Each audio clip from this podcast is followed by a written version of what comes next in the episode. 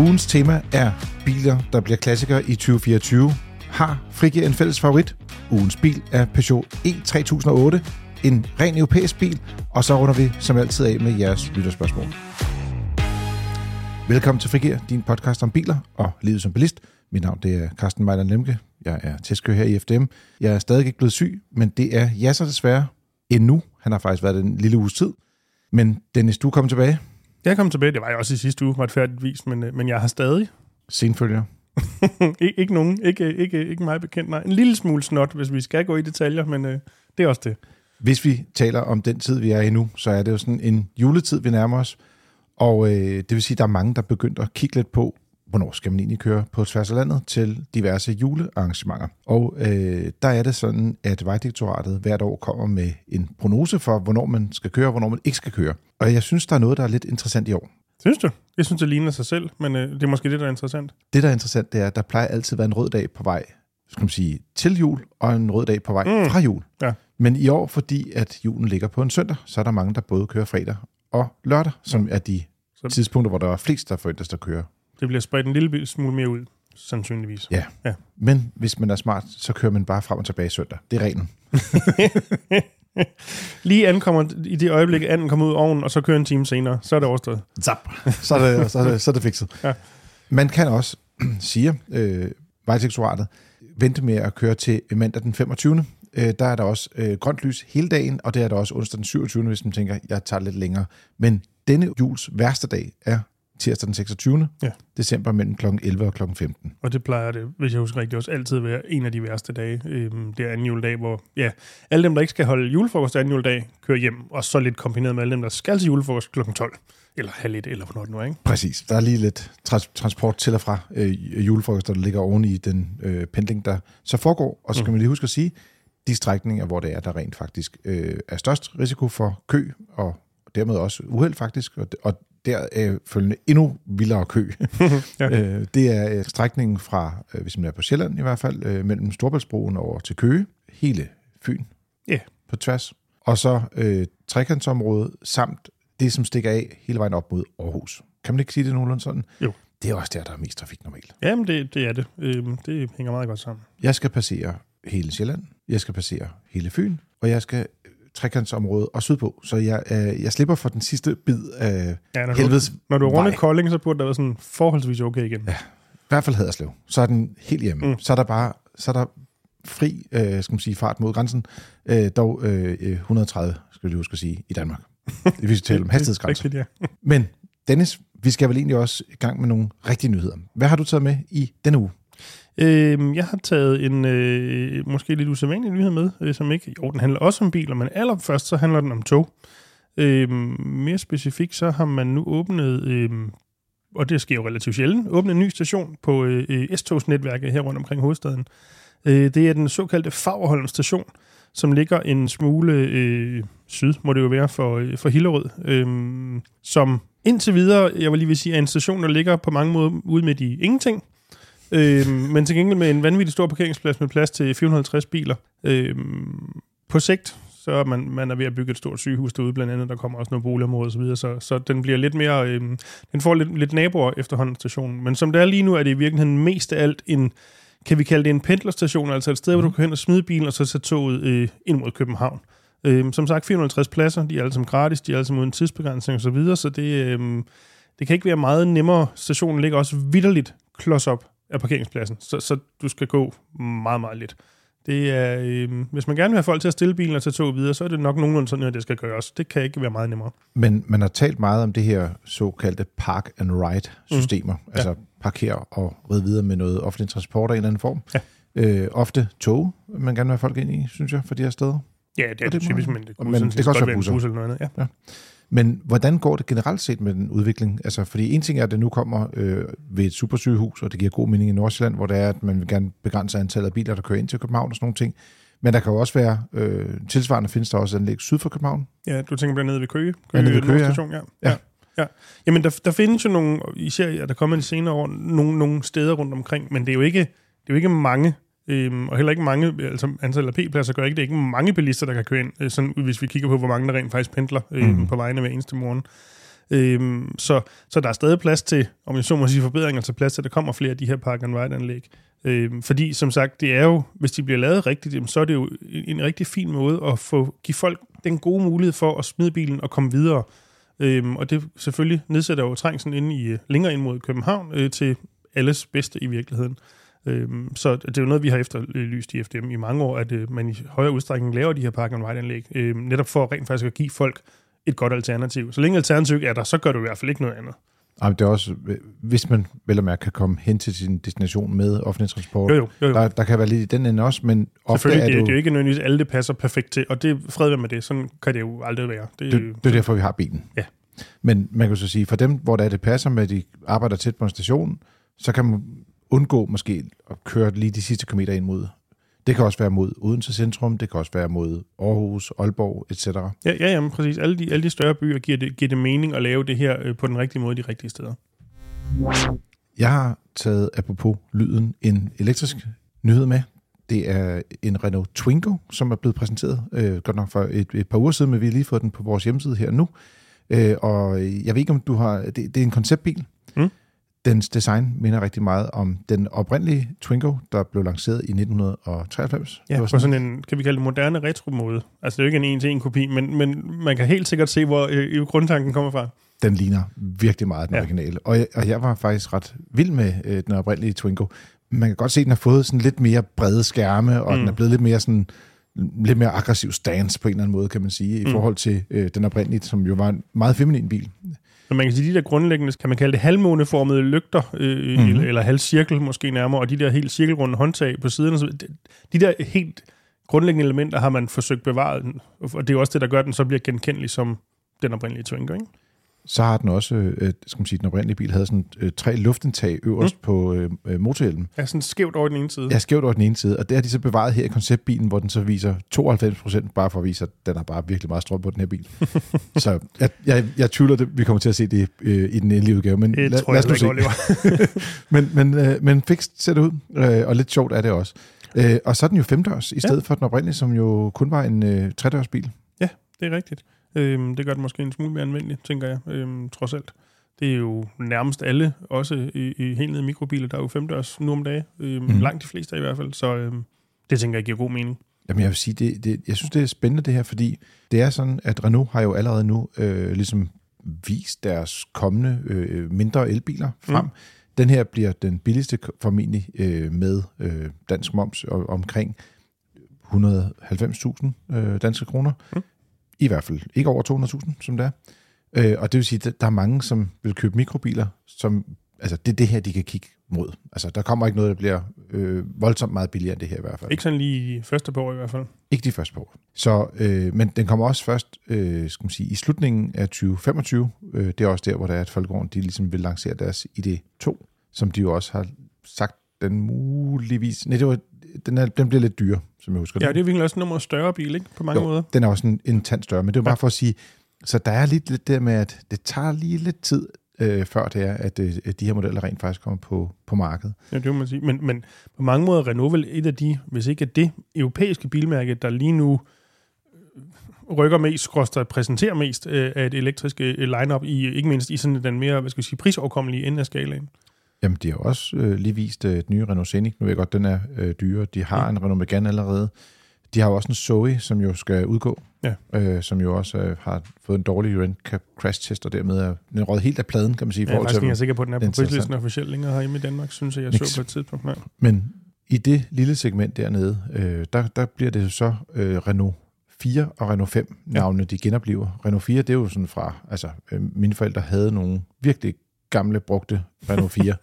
øh, så øh, det var sådan min første. Det er sådan en, en, sige en ah, måske at snige den lidt langt og kalde det datidens MPV, men sådan lidt en Jo, høj det station, stationkakken, og så den, hvor, øh, hvad hedder det, øh, jeg kan ikke huske, hvad her, i- linjerne på siden vender den forkerte vej i forhold til, hvordan det plejede at være. Der, er- der er et eller andet mærkværdigt, øhm, som jeg lige husker det op i hovedet. Primært husker jeg, at øh, den havde en gearvælger, som sad lige ved siden af rettet, mm. altså op på instrumentbordet. Og den, kan du sådan, den trak du så ligesom ind, ind i kabinen, og så skubbede den hen mod øh, motoren. Ikke? Så skifter du gear på den måde. Mm. Men når Det så... hedder et eller andet. Er det par, paraplygear? Er det det? Eller Det tror jeg faktisk, det hedder. Ja, Jeg gør det ikke? men, for det ligner også lidt en paraply, øh, det du sidder og hiver i. Ja. Men, men når der så ikke er nogen motor i, og det havde vi ikke i vores bil, fordi at den var sat over i den bil, vi kørte. Vi havde, vi havde faktisk tre af dem, og den ene af dem kunne køre. Ja. Øh, og den her, det var så den, hvor der var en god motor i, men karosseriet var rigtig dårligt. Mm. Og så havde mine forældre gemt den, fordi det kunne være, at man lige skulle bruge en rode en dag, eller et eller andet, du ved, man ved aldrig. Nej, nej. Så min bror og jeg havde fået lov til at have bilen sådan, til at hygge med. Ja.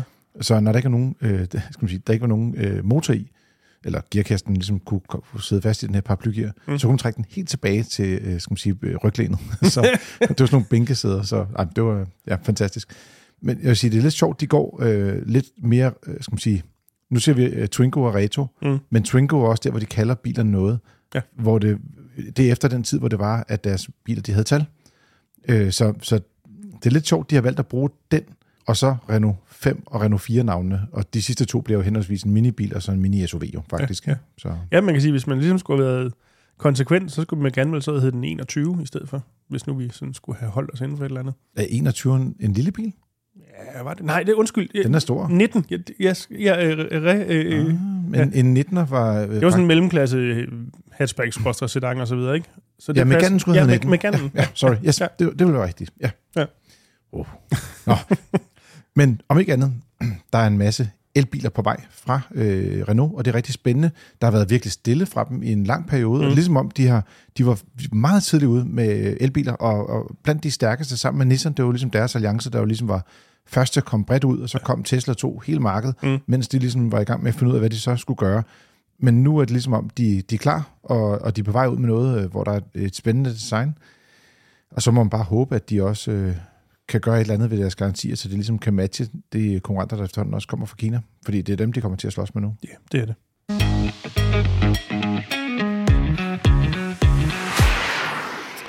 Så springer vi lige et par år tilbage til tiden før Twingo, faktisk. Helt tilbage til 1989, fordi det er nu 35 år siden, at modelårgang 1989 blev lanceret, og det vil sige, det er de biler, som nu står for at blive klassikere i næste sæson, Ja. kan man sige. Veteran helt nøjagtigt. Sådan den rigtige slags veteranbiler. Det, kan du lige tage den kort øh, veterandefinitionen? Fordi der er jo faktisk to veterandefinitioner. Ja, der, der er jo den, den ikke helt rigtige, det er 30 års grænsen, og det er mest i forhold til noget synsinterval.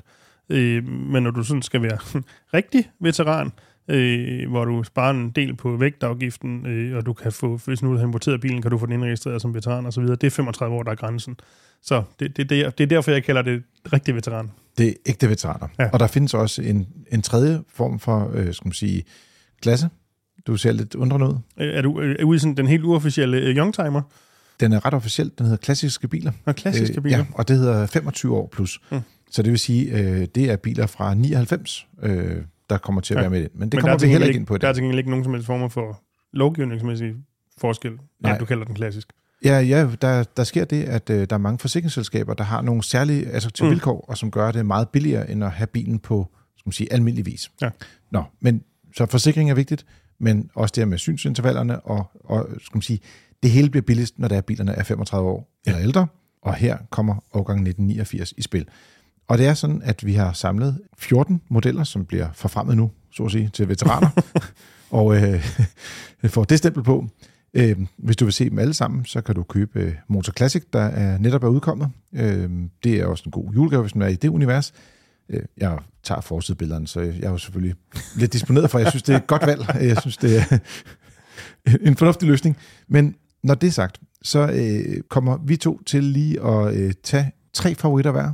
Mm. Og så må vi se, som jeg sagde i introen, om vi rent faktisk kan lande på en fælles bil et af stederne. Ja, det er vist sig. Kan du, øh, kan du være modig nok til at starte? Det kan jeg godt, og det er et af de bud på, at vi måske godt kan ramme på et eller andet i, i, i konsensus på et eller andet. Øhm, af de 14 biler, som, øh, som vores kollega øh, Peter Clausen har hæ- hæ- hvad sådan noget, valgt ud.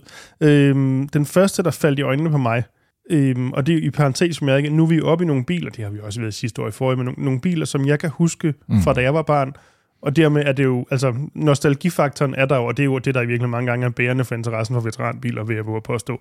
Jeg, jeg var Øh. 15. Jeg ved, hvor gammel var du i 89? Eller blev du i 89? Jeg var 10. 10. Oh, du husker bedre end jeg. øhm, men, og en af de mest hvad skal vi sige, da den kom frem i 89, tror jeg alle godt var klar over, at det her det var sådan set en klassiker allerede på det tidspunkt, og det skulle den nok også blive med at være til nærmest for evigt. Og jeg kan se på dit nikkeri, ja. Du allerede kan gennemskue, jeg vil sige. Ja, jeg har Øhm, på min øh, skærm ja, nu, det tror jeg. jeg nok. Mazda MX-5, det er jo en ja, klassisk bil i en hver henseende. Øhm, Den, den er simpelthen så... Øh, nu har jeg jo selv en af generationerne, en lidt nyere mm. version, så, som trackday-bil, men jeg kan huske, det var min aller, aller... Ah, den, den største drøm var at køre Porsche 911, da jeg fik kørekort, men nummer to, det var at komme ud og køre den her Mazda MX-5, Mm. fordi at alle skrev om det her gearskifte, så var så fantastisk. Og det må man bare sige, nu har jeg prøvet mange af dem, også øh, de første, det er fantastisk. Og den første, det er den reneste. Den er bare meget lille, så når man er 1,85 eller plus det er dig, Ja. så er det en øh, for lille bil faktisk, Ja, ja, ja. de første generationer. Ja. Så de bliver lidt bedre senere. Men Men det var vel, dengang var det vel fuldstændig unikt, at der kom en lille to-personers åben bil, som også rent faktisk, man kunne rimelig godt regne med, også kunne starte i morgen, i modsætning til de lidt ældre engelske øh, samme størrelse. ja, fordi der havde også været en lang pause med, med de her små sportsvogne. Mm. Og, og, øh, ikke at der ikke var nogen, men, men der var ikke rigtig nogen af dem, der sådan brød igennem. Og så efter Mazdaen kom, så sagde alle sammen, Ho, Ja. det skal vi også have. Så kom Fiat med deres Parketta, og øh, MG lancerede MGF, og der kom sådan en del, øh, du ved, BMW kom jo også med Z3. Ja. Øh, den blev også lanceret, var det 95 eller 96? Det kom lidt senere. Jeg Så- så, har også lyst til helt provokerende at sige, at nogle år senere kom der også Toyota Paseo i åben udgave, kan jeg huske. Ja, men der kan du sige, de havde Apropos biler, der ikke slog igennem. ja, øh, de, de lavede jo senere faktisk deres øh, MR2-model om til ikke at være en Targa, men at være en ren øh, cabriolet, eller sådan en Mm, mm, åben ja, sportsvogn, ja, kan man sige i stedet ja. for. Det er rigtigt. Så, Og der er vi øh, så der en 10 år længere frem, eller sådan noget. Jeg tror ikke, det passer sådan i rundetal. Ja, det var det faktisk. Ja. Det passer med omkring 99 eller Ja, ja, ja, 2000. sådan der omkring, ja. ja. Der, skete, øh, der skete meget, kan man sige, øh, dengang med lige præcis den her model. Og det er jo også en bil, der er blevet produceret i over 1 million eksemplarer. Altså af alle generationer selvfølgelig. Mm. Mm, ja, ja. Den kommer bare til at... Altså, den er bare et ikon inden for, Ja. for bilverdenen. Det må man bare anerkende. Den kan man ikke komme udenom. Ja, så har vi så har vi en fælles. og den første endda. øh, så vil jeg godt høre, hvad er din nummer to så? Jamen, det må du gerne høre. Øhm, og der er vi igen, vi trækker lidt på nostalgien, fordi dengang jeg var barn, det var dengang man øh, på, øh, jeg var lige vil sige statsradiofonien, i hvert fald den eneste kanal, der var der, hvor jeg boede, da jeg voksede op, fordi der havde vi ikke hverken tysk eller svensk eller noget som helst. Øh, men der kunne man også af og til se rally, Ja. sådan, altså fra Danmark primært. Øhm, Nå, okay. Og en af de biler, jeg kan huske, som var rallybil, du må simpelthen ikke spørge mig, om der kørte i den, det kan jeg til gengæld ikke huske. Jeg tror, det er Carlos Sainz. Nej, for det var i Danmark. Nå, Altså, i Danmark. dansk Øh, så er det øh, Jens Mulvad og Henrik Lundgaard. Det er sikkert rigtigt. Hvis der taler om en To- Toyota Celica. Jamen, det er der ikke.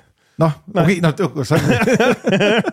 Nej, det, det, er der, det kunne der i princippet godt have været, det var du fuldstændig ret i. Men nej, det var faktisk ikke den. Øhm, og det er i min bog i hvert fald en af de sidste cool biler, som Opel lavede, og det er Opel Calibra.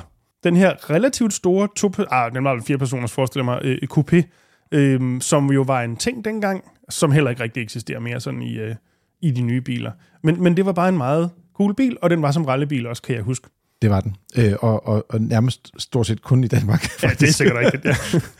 Øh, jeg, jeg mener faktisk, at Henrik Lundgaard kom til at køre den, og det er pænt billigt det her, men det var sådan, jeg tror han hed Jørgen, et eller andet. Der var sådan en, som også vandt Danmarksmesterskab flere gange, mm. som byggede den her bil, og det var hans projekt.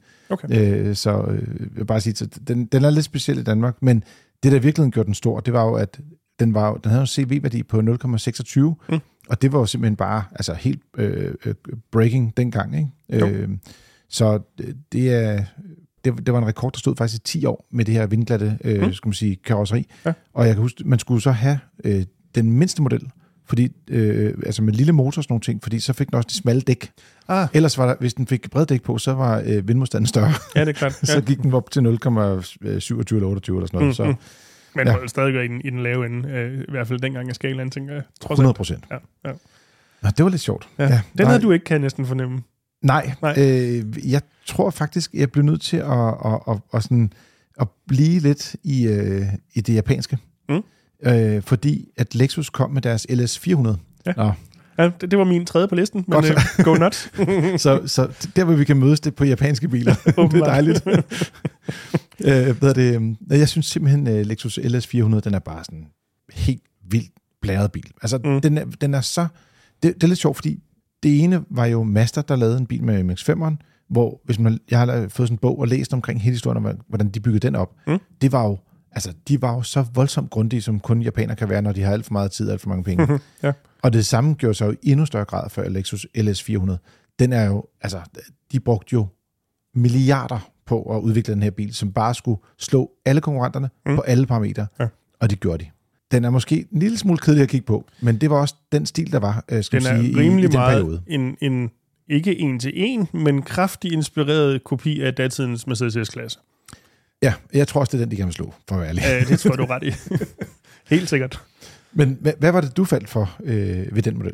Jamen, det er jo lidt som du også har sagt i virkeligheden, at på, som jeg husker den, var den sådan, skal vi kalde det startskuddet for, at i særdeleshed Toyota, men måske også japanske øh, øh, bilmærker det hele taget, begyndte at positionere, positionere sig ind på det, vi måske i dag vil kalde premium øh, brand, eller premium-delen af, af markedet. Altså viste, vi kan også lave biler, der er sindssygt lækre, godt indrettet, masser af udstyr, det bare virker, og det holder osv. Øhm, og det ikke kun er, man kan sige, kedelige øh, hverdags øh, mellemklassebiler, vi kan bygge. Vi kan også være med op i den, i den høje ende af skalaen. Jamen, det var også nogle ting, som at, øh, at de havde sådan et, et, et, et trick med, at jeg, kan, jeg mener, at de tog sådan et, et glas med champagne, og satte det oven på motoren, og så startede de motoren. Og så var, øh, fordi den havde sådan nogle aktive øh, ophæng til motoren, Mm. så rystede motoren så lidt, at den ikke spildte champagne. Mm. ja, ja, Altså, ja. det var sådan nogle af de der... De, de havde lavet sådan nogle ting, de sagde bare, der skal vi bare være bedre. De lavede nogle ting med, at øh, de efterlod øh, skal man sige, bilerne ude i, øh, skal man sige, i, i sollyset, altså Mm. mm. i, i, i ørkenen, hvor der var kraftig sol på og sådan nogle ting.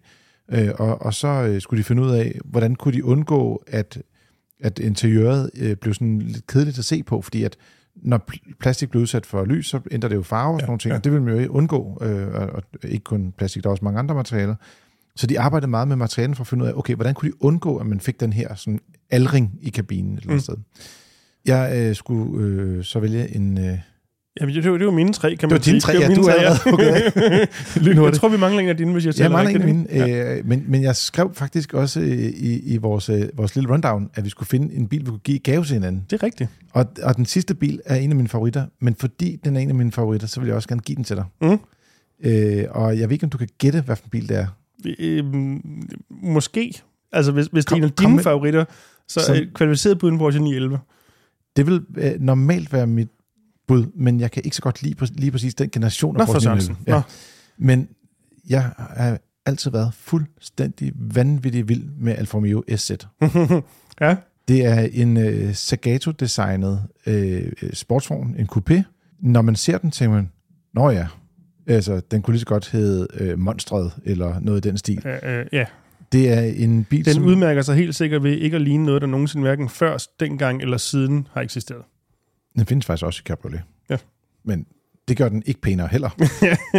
og jeg synes, et eller andet sted, så skal det være den her, skal man sige, det, Sagato har jo lavet mange legendariske biler over tid og designet dem. Så da han lavede den her, så sad man lidt og tænkte, hvad har han gang i? Mhm. altså, den, hedder, den hedder SZ for Sprint Sagato. Og øh, det er sådan, at øh, den, den har en, den er bagstræk, fordi den er bygget på en Alfa Romeo 75. Den har en 3 liters motor, og jeg vil bare sige, 3 liters motoren med 6 lønner fra Alfa Romeo, den lyder bare voldsomt godt. Mm. 210 hestekræfter, og så, ja, så må man bare sige, Og der skal vi lige huske på, at 210 var meget dengang. 210, det var voldsomt. Det er ikke så meget i dag, men det var det dengang. Ironisk nok, den bil, vi skal tale om lige om lidt, som er en ny bil, som har 210 hestekræfter, der tænker jeg lidt, det er lidt småt. Men her, der var det bare det vildeste, det vilde, og den var jo, altså, den var også dyr dengang, da den kom frem. Mm. Hvad, hvad siger du til min, min lille julegave til dig? Du plejer at Det er kunne lide biler, der er designet øh, lidt specielt. Ja, men det er jo ikke fordi det altid er, fordi det er specielt så godt. Det er det ofte, men ikke altid. og det her det, det er et tilfælde, hvor jeg ikke synes, det er det. Øhm, jeg har simpelthen svært ved at se skønheden i den. den sådan lidt, hvis man kunne forestille sig en kampvogn bare som en sportslig coupé, så ville den se sådan ud, cirka. Og det er ikke positivt ment i virkeligheden. Øhm, Jamen, men det- altså point for at, at prøve noget vildt fuldstændig anderledes, jeg synes bare ikke, det lykkes særlig godt. Det er ligesom om, at de havde lavet et design på bilen, som var pænt, og så sagde de, konkurrenter må simpelthen ikke vide, hvordan den ser ud. Så nu, nu putter vi nogle ting udenpå, for ligesom at skjule, hvordan bilen egentlig ser ud. Ja, og så er der bare nogen, nogen, der pillede og- dem af igen. Det glemte de simpelthen. Ja, Ja, så sagde de, det ser sgu da meget mærkeligt ud, det der. Skal ja. vi ikke gøre det? Og så har den, altså det jeg godt kan lide den, den har faktisk tre separate forlygter i hver side. Mm. Det ser man ikke så ofte på biler, vil jeg sige. Nej, det er rigtigt. Aston Martin Lagonda tror jeg nok også har sådan noget med flere, det er i hvert fald en smal stribe med Mm. mange forlygter i og sådan nogle ting. Jeg synes, det var vildt. Nå, men øh, jeg tager den tilbage igen så. Nej, nej, nej, nej det, det kan man ikke. Det, det, nej, jeg kan altid sælge den eller noget andet, tænker jeg. Her i vores imaginære verden. Øhm, jeg har også taget en gave med til dig, Carsten.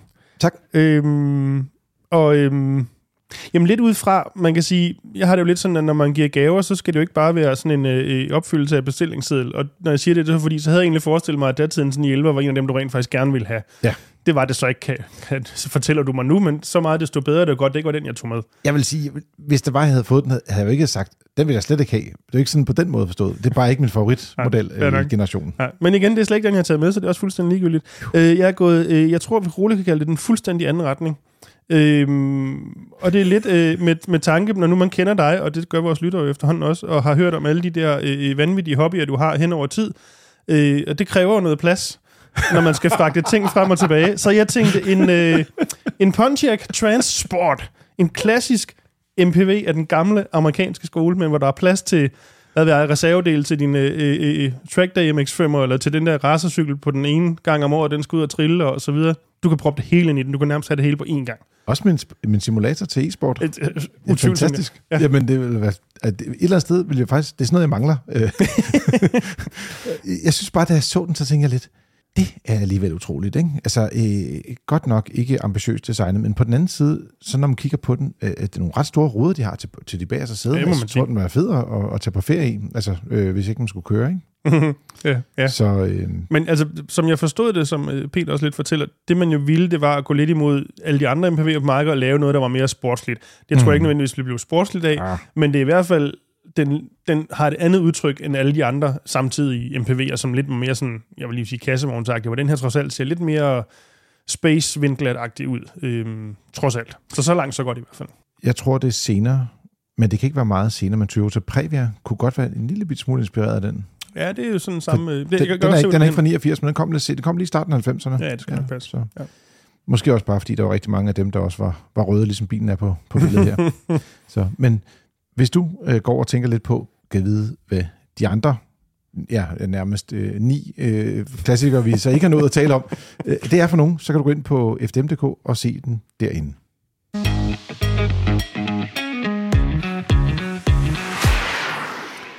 Og nu til en bil, som måske også bliver en klassiker en dag. Peugeot har i hvert fald lanceret en ny generation af deres 3008 i en ren elektrisk version, som hedder E3008, og som øh, for, for os, der sidder og skriver om biler, så har de valgt at ændre måden, de skriver tingene på, så i stedet for det er et lille E, så er det nu et stort E, der står foran. Ja, det er sådan... Ja, Ja. ja. Fantastisk, tænker man. Så, men en ny generation af et eller andet. Men jeg vil sige, øh, de har bygget en model. Jeg har faktisk øh, siddet i den øh, kort. Jeg har faktisk også trillet i en prototype, som man ikke måtte køre i, og ikke måtte tale om, hvordan den kørte. At, øh, og jeg vil sige, det var virkelig med 2 km i timen, så det var bare en parkeringsmanøvre. Men, men jeg har trods alt været inde i bilen og, og set den, og, og Søren øh, Rasmussen, min kollega, han har været nede til den officielle præsentation af den, og der har de så fået mulighed for at køre i en endelig udgave, kan man sige. Så, øh, og fået lidt mere tid bag rettet også, for den sags skyld. Så han var i hvert fald meget begejstret. Og øh, jeg vil også sige generelt set, at det er en bil, som matcher meget godt op med den designstil, som Peugeot har kørt med her på det sidste. Ja, det, det er jo ikke sådan, hvor man tænker, hold da op, er det en Peugeot? Altså, den ligner, som de har set det ud de sidste, det ved jeg ikke, 5-6 år eller sådan noget. Og, og det er jo generelt et ret godt udgangspunkt i det hele taget. Ja, sådan noget. Tre- 308'eren, øh, 408 også, øh, ligger meget i samme Ja. øh, front øh, designstil. Ja. Og hvis du tager den nuværende 3008 og forestiller, du lavede den til en coupé-version, altså en SUV-coupé, så ser den jo sådan nogenlunde sådan ud, sådan langt hen ad vejen. Præcis. Det er øh, en bil, som er i endnu en bil, som er i den klasse af elbiler, som koster sådan formentlig omkring 350 til 400.000 kroner. Mm. Og øh, det vil sige, det er der, hvor man blandt andet finder Tesla Model Y, som jo er meget solgt herhjemme, men også Folkevogns øh, ID 4-5 stykker. Ja. Noget Skoda Enyaq. Det kan også være Hyundai Ioniq 5. Ja, det kunne det da godt. Det Den er jo- kommende øh, Cupra Tavascan vil jeg også i, øh, ikke mindst fordi det også er sådan en kopiagtig ting, også i samme kategori. Ja, og så også lidt, lidt det der med, med de skarpe linjer på, sådan Mm. mm. øh, på den måde. Ikke? Så øh, vi har kørt den i en version, som hedder GT, som jo ligesom er deres øh, lækre udgave, den topmodellen, hvor den også har lækre sæder i, og, og kan man sige, der lige er løftet lidt op på materialevalgene. Det er sådan nogle ting, som Peugeot har gjort faktisk siden den sidste 3008 kom frem. Det der med, at de begyndte at bruge sådan stof på dele af interiøret. Mm. Og det giver sådan en anden sanselighed, synes jeg, når man kommer ind i bilerne. Øh, jeg ved ikke, om man skal sige, at det er en lækre kvalitetsfornemmelse, men det giver en anden fornemmelse, hvis du bare har plastik. Ja, absolut. Og, øh, mit bud er, at uden jeg vil hænge for meget på det, for jeg ikke, har ikke så meget at have det i, mit bud er, at det er en relativt billig måde at lave noget, der føles meget lækre end bare hård plast. Præcis. Så øh, alternativet det er at beklæde det hele med Alcantara. Det øh, kan man så øh, åbenbart ikke gøre så meget i så mange biler. det har de gjort hos øh, Tesla blandt andet. Mm. Og der har de så stof på de billige versioner, men det er lidt sjovt. Ah, ja. Men det her stof, som de har hos Peugeot, det er sådan lidt mere lækkert lavet. Altså vævningerne i øh, stoffet er, er sådan lidt mere sådan med struktur i. Det Som er har- som en, øh, en moderne sofa, vi ser ud i stoffet. Jamen, jeg tror, de prøver sådan... Altså, alle bilmærker er jo øh, gået væk fra at lave øh, biler til, skulle jeg til at sige, os almindelige danskere. Alle vil gerne sælge til premium-segmentet Mm, ja. og luksus, og det skal være... Altså, det er jo ikke, fordi der er noget galt med ting er lækre, men det er bare ligesom om... Jeg synes bare ofte, at den der familien Danmark bliver lidt glemt. Mm. Det kunne man også se til Koring Årets Bil i år, hvor det Ja, var, ja, at det var en BMW, der vandt foran en, øh, og så bliver jeg en Folkevogn ID7, og foran en Xpeng G9, alle sammen Ja. elbiler, som koster øh, i dag fra 460.000 op efter Mm. på, på de øh, tre modeller. Ikke? Og, og der kommer vi heller ikke til at få hjælp her øh, at hente. Altså det, det er formentlig priser fra 350.000 op efter, vi kommer i den her størrelse bil, kan man sige. Ja. Hvilket også er fair nok, for det koster konkurrenterne, så det er jo ikke sådan, at Peugeot skal kunne sælge det meget billigere. Men jeg tænker bare lidt, det kunne være fedt, hvis der kom nogen, der bare var lidt mere sådan, sagde, okay, nu laver vi bare en, en god, velkørende bil. Bang. Ja. For man kan jo sige samtidig med, så er det jo også, det tror jeg, vi har talt om før, lige præcis det her marked er jo i en eller anden udstrækning mættet øh, langt hen ad vejen. Så man kan sige, hvis Peugeot virkelig skal ind og tage seriøse markedsandel på den her, bliver de nok også nødt til at underbyde konkurrenterne bare en lille smule i hvert fald. Øh, altså, hvis du allerede har købt dig en ID4 eller et eller andet, øhm, så skal der jo lidt til, før du skifter den ud til en Peugeot 3000, E3008. Øhm, så altså, men jeg vil sige, traditionelt set har Peugeot altid ligget lige prismæssigt nykket under de andre, øhm, ofte i deres biler. Øhm, så man kan da Præcis. håbe, at det også bliver tilfældet her.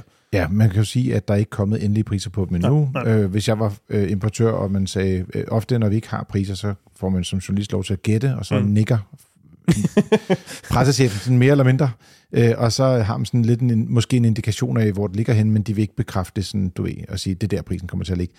Også ofte fordi, at det var lidt tid før bilerne kommer, øh, når vi det første gang, vi er ude at køre i dem, øh, og som også tilfældet her, bilen kommer først senere på markedet, så har de ikke fået prisen endnu. Altså, Ja. og, og nogle gange er det lige før bilerne, at de er så utilfredse fra importørens side, øh, at, at de først kommer med prisen stort set lige til lancering i Danmark. Mm. Altså, øh, Og nogle gange ser vi også, ikke mindst i det her omskiftelige marked, har vi jo set to-tre eksempler på, at øh, den oprindelige pris, der bliver annonceret, når at falde, inden bilen rent faktisk kommer. Ja, og så også efterfølgende, jeg tror øh, JSC E, JS4 eller HJS4, eller Ja, den, det- den, af. den har faldet flere gange, øh, og også kommet noget længere ned i pris. Mm. Nå, det ved vi jo ikke, hvad der kommer til at ske prismæssigt med øh, Peugeot, men de slår i hvert fald på nogle andre ting. Altså ud over det her med, at det er en øh, meget lækker kabine, og den her luksusfølelse skal være der, der man sidder godt i sæderne, og det er sådan en god kabine. Ja, og man var stadig med i det her iCockpit øh, Peugeot-ting med et lille ret, du kigger henover. Okay, okay. Så det kommer vi ikke udenom. Så vi skubber lige den anden historie lidt længere så. Det Nå, der iCockpit, det er helt fint. Det, er blevet måske bedre, kan man sige, med at før i tiden, hvor det var, at, øh, vi skal lige huske at sige, Peugeot har haft en tendens igennem rigtig mange år, hvor det er, de har sagt, i stedet for instrumenterne, at du kan se dem ind igennem rettet, Mm. så skal du se det hen over rettet. Ja. Og det har betydet, at de for det første blev nødt til at lave nogle mindre ret, fordi ellers så dækkede rettet for meget over øh, de her displays, som var hen over rettet, Mm. øh, eller de her instrumenter, som var hen over rettet. Øh, det er den ene ting. Og den anden ting, det er, ofte så bliver man nødt til ligesom at sænke rettet lidt, for rent faktisk stadig at kunne se Ja. ja. sådan noget som kilometerstanden for eksempel, hvis Mm. mm. det er noget, man har lyst til at kigge på. Ja. Det, det stod typisk ret lavt i deres instrumenter. Men nu er det blevet digitalt, øh, og det er et digitalt display, hvor i starten der var der nogle viser, der kørte, og i Mm. øvrigt øh, på nogle af dem, der kørte omdrejningstælleren også modsat Nå, det af, hvad det plejer at være. Ja. Så det var sådan lidt, altså det var sådan, alt skulle bare være nyt. Nu begynder det sådan at normalisere sig en lille bit smule, og man kan jo også sige, at en bil som øh, Toyota BZ4X øh, Mm. og også dens Lexus Pendant, de har jo også sådan en skærm hen over rettet faktisk. Ja. Så der er Så, så flere, til der, er trukket, hvad bliver det, tilbage. Altså den sidder næsten helt ude ved, ved bunden af forruden. ja, sådan ender faktisk med at blive sådan en semi, øh, skal man sige, head-up display, Ja, ja, uden ja. at du har reflekser i forruden. Ja, ja. hvilket øh, i et eller andet omfang, synes jeg faktisk, det er en rigtig god løsning. Ja, yeah, ja. Yeah. Det, er der, det kan noget, det der med at have farten meget langt væk. Mm, altså, ja, ja. Også fordi, at når man, det finder du ud af, Dennis, når det er, du bliver lidt ældre. Nå, du synes, det er meget sødt, du ikke tror, mit syn er allerede ved at gå. Er det ikke det? jo, det er det, jeg Nå, siger. okay. Er det, jamen, mit er ikke rigtig gået endnu. Så, men finten er, at det begynder bare, når man ru- runder 40, så begynder man at have lidt problemer med at fokusere, og det går langsomt og langsomt med at fokusere ind og ud. Mm. Øh, og, og derfor så er det faktisk smartere, jo tættere på øh, skal man sige, trafikken, du holder øje med, at du har farten derude. Ja. Og det er jo det, som der gør head-up display helt genialt for ældre mennesker, fordi der ligger farten jo ude i asfalten. Ja, ja. Fantastisk. Ja. Nå. Men øh, i Passion, der sidder der stadig en skærm, den er lidt tættere på, øh, men, men her der har du så mulighed for at ændre lidt visningerne, og så kan du sige, hvordan vil du lige have vist en ting? Mm. Og der er en masse personaliseringsmuligheder, det synes jeg faktisk er rigtig fedt løst øh, øh, ved Peugeot. Så det er blevet bedre, men jeg synes, det der med at have et lille ret, det giver bare sådan noget, det er fint nok, når jeg kører simulatorrace Mm. nede i min kælder, og min kone, hun ryster på hovedet og tænker, tosse. Men Også i den sammenhæng. også i den sammenhæng. Men når du sidder i en rigtig bil, og du ligger og kører, synes jeg især motorvej, eller steder, hvor du kører med højere hastighed, hvor det er, at et lille styreslag har en stor effekt. Mm. Mm. Fordi at de her biler, de har jo ikke variabel øh, styregeometri, sådan at når du kører hurtigere, at, at rettet reagerer mindre. Det gør- reagerer lige meget, når du kører på en kan man sige, parkeringsplads og skal lave en øh, trepunktsvending, Mm. øh, eller om du kører øh, 130 ude på motorvejen. Ikke? Så ja, det, det, jeg bliver aldrig fan af det. Men øh, det, det, det må man jo som øh, køber huske at få prøvet, før man køber bilen, øh, sådan at man ikke kommer til at have noget, man ikke øh, holder så meget af. Mm. Nå, tak for, øh, jeg lige kunne rante ud af det lille univers der. Skulle det være den gang? Hvad var det, det- du det ville have kommer nok. sagt så oprindeligt? Jamen, det var egentlig, at de prøver øh, både at sælge på luksus, men de prøver også at sælge på, at bilen er bygget i Europa. Og det vil sige, at øh, de siger meget, at det her det er en ren europæisk bil. Øh, det er vores øh, fabrik i Sochaux i Frankrig, der ligesom bygger den, og selve batterierne kommer fra en batterifabrik, som ligger i Nordfrankrig. Det står ikke mere specifikt end det, hvor man baserer produktionen fra materialer, som også primært kommer fra Europa. Mm. Der er jo noget med de her batterikemikalier. Nogle gange er der nogle enkelte sjældne jordarter, der kun findes altså, i en jordbunke et eller andet sted i Ja, verden, ja. og der skal man derud hente det. Men de har gjort alt, hvad de kunne for ligesom at sige, produktionen er her, mm. og bevægelsen af materialer øh, sker over kortere afstande, så man har mindre CO2 i produktionen af bilen også. Øh, og, og det tror jeg lidt, for nogen i hvert fald, fordi det, det kan I jo høre, at folk er meget utilfredse med, øh, øh, er man kinesisk elbil? Jeg skal aldrig have en kinesisk elbil, siger så, eller hvorfor skriver I alt om kinesiske elbiler, og vi må ikke støtte Kina og sådan nogle ting. Det holder vi os lidt ud af, når vi anmelder bilerne. Det må folk ligesom selv, ja, det kan det de er jo jo- godt det er finde ud af. Det er jo en legitim holdning, og så må man lade med at købe sådan en bil. Ja, altså, hvis man virkelig ja. har det, altså øh, aktivistiske forbrugere, de har øh, hver deres ret til at, at gøre sådan nogle ting. Mm. Så længe de også er medlem af FDM selvfølgelig. Nej, Naturligvis. men, men jeg synes faktisk, jeg kan godt forstå det, fordi vi er også inde i en, en, en tid, hvor der er, der er flere, der begynder at kigge på miljødelen også. Og, og, men også, nogle kigger geopolitik, andre ser på miljø, og de, altså især folk, der, øh, nu kigger folk også lidt på pengepunkten, når det er elbiler, ikke? Mm. siger, det er billigere at have en elbil, hvis de kører mange kilometer. Men heroppe, hvor vi taler 300-400.000 kroner, så er vi også et segment, hvor der, altså, der må godt være noget storytelling. Altså, i, Jo, i jo, det er rigtigt. Så øh, jeg, jeg tror, det kunne godt være noget, som der kunne, kunne tiltrække nogen. Mm. Jamen, det, det tror jeg, du er meget ret i. I. Igen med det forbehold, det afhænger lidt af, hvad prisen rent faktisk bliver, men, øh, men med det forbehold, så ja, helt enig. Og så øh, bliver det jo så også spændende at se, øh, hvordan øh, det ligesom ender med at øh, komme med, med garantier på deres biler, om de på et tidspunkt får taget sig sammen hos Peugeot og få lanceret noget mere end to års garanti, fordi ellers så kunne det godt være sådan en bil, også lidt med mærket salg i de skal man sige, højere prisrækker. Mm. Der kunne jeg godt måske være lidt i tvivl om, hvor, hvor stort værditab man kunne risikere at få på sådan en bil. Der kunne leasing måske godt være et attraktivt øh, valg øh, på, på sådan en bil som den her. Mm.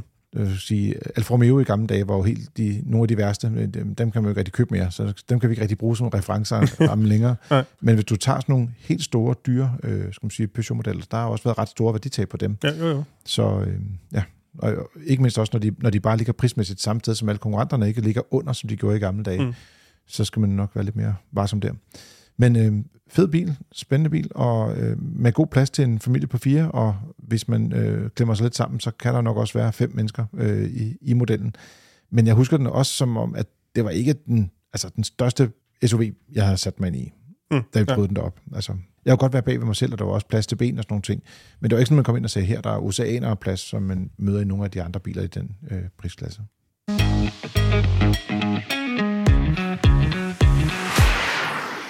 Nu er det tid til lytterspørgsmål. Dem kan I jo som altid sende ind til podcast Men inden at du går i gang med det, så ja. Har vi et hængeparti, Carsten. Ja. Vi har helvede. øh, Hanskegate, vi skal have afklaret. Fordi sidste år, øh, sidste år, sidste afsnit, der snakkede vi om det her med, øh, øh, øh, når du skal bruge, øh, jeg kan simpelthen ikke huske, hvorfor vi snakker om det, men det gjorde vi, bruge øh, mobiltelefonen eller touchskærmen i det hele taget med handsker på, om øh, hvad der egentlig var, der var op og ned i det, og hvorfor det virkede, og hvad der ikke virkede. Ja. Og øh, du fik opgaven at prøve at tage en handske, der kan virke, men uden at sætte fingeren ind i, for at se, om det var handsken, der ledte fingeren, og dermed virkede, eller om det var bare handsken i sig selv, der kunne. Ja. Og vi er mange, der er spændt på resultatet. Ja, og øh, jeg, jeg øh, øh, huskede selvfølgelig øh, opgaven, som Mm. der blev stillet sidste uge. Jeg er lidt ked af, at jeg så ikke kan høre den nu, men han må så høre den, når podcasten udkommer. Men øh, det er fordi, jeg har... Øh, der er flere handsker, man kan købe med sådan noget, hvor der står touch Ja. phone friendly, whatever. Ja, ja, ja. Så jeg gjorde det, at øh, for at undgå, at der ligesom blev ledt noget energi over fra fingeren Mm. øh, ned igennem handsken, så tog jeg sådan et, et, et lille stykke reb, og tænkte, at det måtte isolere elektriciteten så godt, som jeg nu kunne gøre det i hvert fald. Måske jeg skulle have valgt gummi i stedet for. Det blev jeg faktisk lidt tvivl om bagefter. Ah, det, ja. Men vi Det er der hen af. Det, Ja, ja, ja. du, du, accepterer det, ja, det er fint. men det fungerer. Ja. Så, så det må være selve, øh, skal man sige, den, den modstand, som der er i fingeren. Altså det er ligesom om, du har en anden, øh, skal man sige, øh, når du rører ved forskellige overflader, altså øh, et glas, så er det meget glat, eller hvis du rører ved rusken, så er det meget rut og sådan noget. Og, og på samme måde, så har fingrene jo, de har jo også en eller anden form for, skal man sige, modstand. Og det er den samme, man replikerer der. Ja, jeg, har i- i faktisk handsken. jeg har faktisk googlet det. Har du det? Jeg havde ikke ret, men jeg var tættere på at rette end det, du siger nu i hvert fald. Nå, satans også. De der såkaldte capacitive skærme virker ved, at de har en lille spænding kørende i sig, også oppe i overfladen. Ja. Øhm, og når du rører det med noget, der er let ledende, som din fing- finger er, ja. Ja. øh, blandt andet fordi den er en lille smule fugtig osv., så, ændrer du en lille smule spændingsfeltet på skærmen, og det er det, den registrerer Nå. som en berøring. Så hvis du har et materiale, som der så må sidde på spidsen af de her øh, handsker, som også er en lille smule ledende, Ja. så virker det på samme måde. Så det er, er, det er mere, at materialet er ledende, end det er, øh, skal man sige, hvor meget modstand der er. Ja, og det er heller ikke strøm fra fingeren, som jeg Nej, lidt, det måske det sådan lidt... Men det er strøm kreeret af fingeren, når du bevæger, eller... Ja, det er jo mere, du, du påvirker den lille smule strøm, der er i skærmen, fordi at dine fingre kan lede en lille smule, så ændrer du i spændingsfeltet på skærmen, og det er det, den registrerer. Dennis, Ja. Så har og jeg hvis jeg ikke har forklaret det ingeniørmæssigt korrekt, sorry. så må, I gerne, så må I gerne skrive ind, ikke til podcast FDM. Nå, okay. Nej. Vi skal ikke sende den i din retning direkte. Nej, det er, der, det er der absolut ingen grund Nå, til. Nej. Men hvis du også har dykket ned i det her emne, og synes, at det er mest spændende, så skriv til podcast fdm.dk, også hvis du har et andet spørgsmål. Det har Jesper gjort. Han siger, tak for en hyggelig og savlig podcast i forbindelse med min overgang fra ung mand til, han skriver en middelalderne, det kan jeg godt lide det ord, så har jeg valgt, øh, hvad er det, fravalgt en tatovering og en ny familie. I stedet for så har han taget så et motorcykelkørekort og købt mig endnu en ny hobby. Så, Den, den mangler du endnu, den hobby. Det kan komme endnu. nej, øh, øh, ja, da Jason Watt kørte galt mm. i 1999 eller år 2000, blev jeg faktisk i tvivl. Mange år siden. Det er mange år siden. Der, øh, det var, jeg er ret sikker på, det var 99. Øh, der, øh, der, der besluttede jeg mig for, det skulle jeg aldrig. Okay. Så øh, det, det kommer ikke til at ske. Nå, men øh, Jesper her, han siger, øh, mit gode gamle kørekort fra 2003 havde en udløbsdato langt ude i fremtiden, som jeg husker det. Men mit nye flotte kørekort udløber om 20 år. Kan det være rigtigt, at jeg pludselig skal bøvle med fornyelse allerede om 20 år? Men ja, det, måske vi skulle starte der, fordi der er lidt ekstra spørgsmål også. Ja, Øhm, jeg kan ikke helt få det til at gå op, det Jesper han skriver. Øhm, sådan, der, der er to elementer. Det ene er, siden 2013, når man har fået udstedt et, et nyt kørekort, øh, så gælder det i 15 år. Øh, men det gør det også stadig. Det vil sige, det man kan sige, motorcykelkørekort, han fik ud- udstedt dengang, bør gælde i 15 år. Til gengæld, om jeg husker korrekt, bør det ikke have indflydelse på hans eksisterende bilkørekort, altså den kategori, han i forvejen havde kørekort til. Øh, og uanset hvad, så de der 20 år kan jeg simpelthen ikke få til at gå op med noget. Øh, så, øh, Nej, men altså, ja. fordi nu hæver jeg lige mit øh, digitale kørekort op. Det Mm. er almindelig personbil, og så har jeg også øh, fået den, der hedder almindelig personbil med stort påhængskøretøj. Det der også hedder et BE-kørekort. Det er en trailerkørekort. Ja, stor trailer kørekort. Ja. Og der er så bare gyldigt til 28. 8. Øh, 2044. Ja. Der bliver jeg 70 gået fra. Ja. Ja, mit eksisterende gælder til øh, 49, øh, til almindelig bil. Det, Sjovt nok. Ja. Født i 79. Præcis, Godt. lige præcis. Så jeg kan ikke få de her 20 år til at gå op med noget. Øhm, så ja, men hvis vi lige øh, øh, sagt, parkerer det en lille smule, så i hvert fald er det sådan, at hvis du får et nyt kørekort i dag, så er det 15 år, at det gælder. Det samme, hvis du skal have dit kørekort fornyet, når du bliver gammel, eller andre årsager, så er det også 15 år, det gælder. Men det vil sige, det, det er nyt i forhold til, da vi tog kørekort, Ja, eller ja. da jeg, jeg fik øh, Ja, der, det er rigtigt, der gælder det til, du var 70. Øhm, men det er siden 13, så har det været, så er det 15 år, man øh, udsteder for. Hvad skal der så til for at få fornyet et kørekort? Meget let. Øh, du skal have et nyt og vellignende billede, og så skal du betale for at få det fornyet. Punktum. Det er PT for et almindeligt kørekort, det vil sige motorcykel eller bil for eksempel, 140 kroner. Okay, så det er jo ikke sådan super dyrt. Øh, nej, det kan man ikke Men- men, påstå. Men man skal ikke omkring lægen, som man jo for eksempel skulle i gamle dage, når man, øh, når man var gammel. øh, Mm. Der var jo det her lægetjek på. Det blev afskaffet i 17. Øh, så så det, er, det er væk, medmindre man har en eller anden øh, speciel sygdom. Øh, øh, og derfor skal der en læge omkring. Det kunne være øh, epilepsi, hvis jeg lige husker rigtigt, er en af dem, tror jeg nok, at der er noget, noget særligt omkring. Øh, men ellers er der altså ikke krav om, øh, om lægetjek for at få fornyet øh, kørekortet sådan helt almindeligt. Dog, øh, og det er måske ved at tage med, nede i EU, PT, øh, der er man i gang med et arbejde om at opdatere det såkaldte kørekortsdirektiv. Og en af de ting, som øh, man indtil videre, om jeg så må sige, er blevet enige om, så langt som det er nået i systemet, det er, at øh, alle, uanset hvor gammel du er, når du skal have kørekortet fornyet, altså efter de her 15 år, hvis dit kørekort er tilpas nyt, skal du omkring lægen.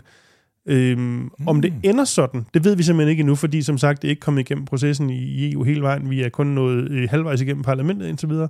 Øhm, så vi ved simpelthen ikke, om det ender sådan. Men som det ser ud lige nu, så er det den vej, vi går. Og er det også i den samme pakke, at man taler om det fælles digitale kørekort i hele EU også? Ja, det er samme, øh, samme opbæring. Hvilket betyder, at når man kommer til udlandet og tænker, at man bare lige skal vise sit uh, digitalt danske kørekort til en udlejningsbil, og man får at vide, at det kan du godt glemme alt om. Ja. Og Fordi det kun gælder i Danmark. Ja, Ja. så vil det, Nå. det vil gælde i hele Europa, når hvis det bliver vedtaget, ja. det bliver, Eller så skal, det, mit, det bliver ret for alle de andet. idioter, der kan vinde på sådan noget. Jeg tror, du skal have et andet digitalt, og det danske digitalt skal op, øh, hvad hedder det, opdateres, men øh, den ja. tid, den så. Det, det, det er fremtidsmusik. Øh, musik. Ja. Vi har også fået en mail fra Martin. Han siger, tak for et godt og savligt program. Vi har et mindre bildilemma, som vi godt kunne tænke os jeres syn på. Vi er nu ejere af to biler. Den ene det er en Tesla Model 3, det er en elbil. Den anden det er en Opel Astra diesel fra 2012. Astraen har nu snart rundet 400.000 km og står for en udskiftning, og i den forbindelse har vi umiddelbart et budget, der ligger på ca. 100.000 danske kroner. Egentlig var det min plan at gå efter en hatchback Peugeot 308 diesel, da afgiften til denne kun er 320 kroner om året, alternativt en stationcar-udgave, som har en lidt højere afgift. Og så regner med, at bilen ligesom er betalt ud efter en 4-5 år.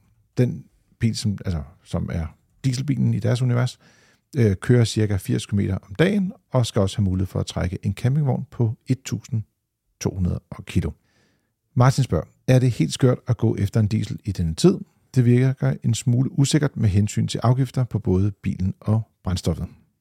Og så tænker jeg, Dennis, at du starter, og så supplerer jeg bagefter.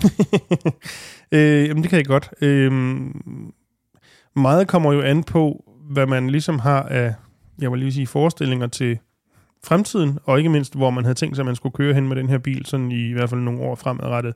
Øh, og måske sagt lidt på en anden måde. I sådan de store termer, hvis vi maler med den store pensel, så bliver vi jo nok nødt til at sande, at diesel er på vej ud på mange måder. Øh, afgifterne på øh, øh, diesel, altså selve brændstoffet, øh, ejerafgiften på dieselbiler, det går kun en vej, det går opad. Øhm, vi har fået øh, miljøzoner i de større danske byer, hvor nyere øh, øh, dieselbiler, øh, slutter ældre dieselbiler selvfølgelig, Mhm. mm. ikke, øh, ikke må køre ind, altså de dieselbiler uden partikelfilter. Øhm, det kan jo ikke udelukke sig på et eller andet tidspunkt om nogle år, at de regler også bliver, bliver strammet på en eller anden måde. Det ved vi simpelthen ikke, der er ikke noget i kortene lige nu. Men, men det er jo den vej, det går. Øhm, og vi kan jo også, det har vi jo snakket om før, sådan på salgstallene generelt, altså ser på nye biler, der bliver jo ikke solgt dieselbiler overhovedet. Det er ikke det, som folk har den store interesse for. Det tror jeg ikke er slået 100% igennem på brugbilsmarkedet, for det er ligesom, der er altid forsinkelser på brugbilsmarkedet, hvis man kan sige det sådan. Det er ikke nødvendigvis den mest sikre investering at købe en brugt dieselbil, sådan ud fra det.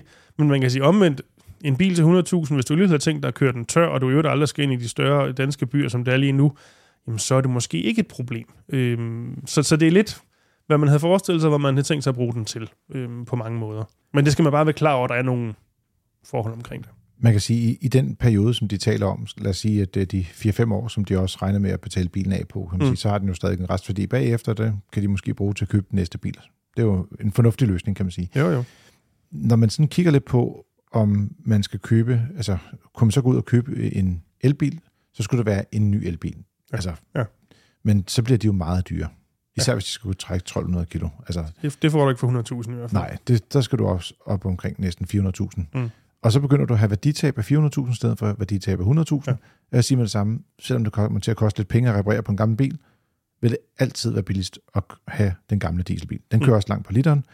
jeg vil også sige, hvis de skal trække en campingvogn, så en ting er, at den, altså, til hverdagen kan man måske sige, at en benzinbil på de der to gange, skal man sige, at det er 80 km om dagen, ikke? det er to gange 40 km, det, det er sådan lige på kanten til en dieselbil, ikke? Mm. Vil, vil vi nok anbefale her i FDM. Men jeg kan også godt se, at hvis du vil have noget, der er godt til at trække en campingvogn, og de rent faktisk kører, altså uden at holde i kø, de der 40 km til arbejde og 40 km hjem fra arbejde igen, og den rent faktisk bliver driftsvarm, og partikelfilteret kan regenerere, alle de ting, der skal til for, at man kan vælge diesel, så tror jeg hellere, jeg vil vælge en dieselbil til 100.000, end en benzinbil til 100.000. Altså i forhold til at, at kunne køre med den med campingvogn. Altså, ja. Men det kommer jo også an på, at man kan sige, at det en gang om året, du skal slæbe campingvognen ud til en eller anden plads, og så ligger den der, til du en gang om året skal køre den hjem igen, eller kører du på tur med campingvognen. Det gør også en forskel jo, tænker jeg udenbart. Ja, fordi hvis det kun er den sjældne mm. campingvognstur, de har tænkt sig at bruge, for det står ikke helt så præcist øh, øh, her i, i mailen, hvor vi jo har læst det helt op, så, øh, hvad det, så kunne man måske godt overveje at tage en benzinbil, men du skal også lige kunne finde en, der kan trække 1200 kilo. Ja, ja. Det er ikke helt umuligt. Det skal nok være sådan en, lad os sige, en, en bil, der har en, ja, en 1,6 liters motor, eller øh, 1,4 med turbo, eller 1,5 med turbo måske. Det vil være rigtig velegnet også til at trække den næste mm. type bil. Ikke? Men til 100.000 kroner, ikke? så bliver det, det bliver jo en ældre bil. Jamen, det gør det. Og man har dog den fordel, at hvis man vælger benzin, at øh, du typisk har lidt lavere ejerafgifter, og der ikke er nogen øh, udligningsafgift heller på dem. Mm. Så øh, der kan man jo godt blive ramt lidt hårdere, når det øh, går dieselvejen. Uanset om de vender benzin eller diesel, så vil der komme nogle stigninger både i afgiften på brændstoffet, og også på selve ejerafgiften i de kommende år, hvis man mm. ser sådan med et femårs perspektiv. Øh, men de kommer til at stige nogenlunde lige meget. Så det kommer ikke til at være der, den store forskel kommer til at være. Og det, hvis de kører 80 om dagen, så kører de cirka 16.000 til og fra arbejde om året, og så lægger du noget feriekørsel til, så kører bilen måske 20, 22, 25. Der er det faktisk ligegyldigt, om du køber benzin eller diesel, i forhold til altså, værditab. Ja, det er lige før, jeg vil sige, jeg vil nok kigge lidt mod en benzinbil og se, om man kunne finde en, hvis det kunne lade sig gøre. Ja, ja. Så øh, ja, det, det er i hvert fald en, en, en mulighed. Så har man også lidt mindre udfordringer med øh, alle de her skal man sige, ting, hvor det er, at øh, koksen fra diesel mm. sætter sig alle ja. mulige steder, og det kunne jeg så tale om i, i flere timer, hvis ikke han var så forkølet. så hvad er konklusionen? Det er, vel, at det er ikke nødvendigvis helt skørt at gå efter en dieselbil, men det er måske heller ikke nødvendigvis bedste mulighed eller alternativ, lidt afhængig af de nærmere omstændigheder. Nå, man kan sige, hvis, hvis han ikke bruger øh, skal man sige, det med at trække en campingvogn så meget, så kan han overveje at købe en benzinbil i stedet. Mm, ja. Men der er ikke nogen tvivl om, at det her med at vælge en bil, der koster 100.000 kroner, kontra at gå ud og købe en, en ny bil, der koster øh, tre eller fire gange så meget, der vil han have et billigere bilejerskab her, og de har jo så også øh, den her øh, Tesla ved siden af, til hvis der de skal køre nogle, nogle længere ture uden at have campingvogn med. Og det vil nok være det bedste valg der. Ja. Det var Frigir for denne gang. Lyt med igen i næste uge, hvor Dennis, Jasser og jeg, vi legner ugens nyheder, tema og bil op, og så svarer vi som altid på jeres spørgsmål. Husk, at alle artikler er tilgængelige på fdm.dk. Du kan også tilmelde dig til FDM's nyhedsbrev samme sted, hvor du både kan læse om biler og nyheder om livet som bilist. Tak fordi du lyttede med denne gang, og god tur derude.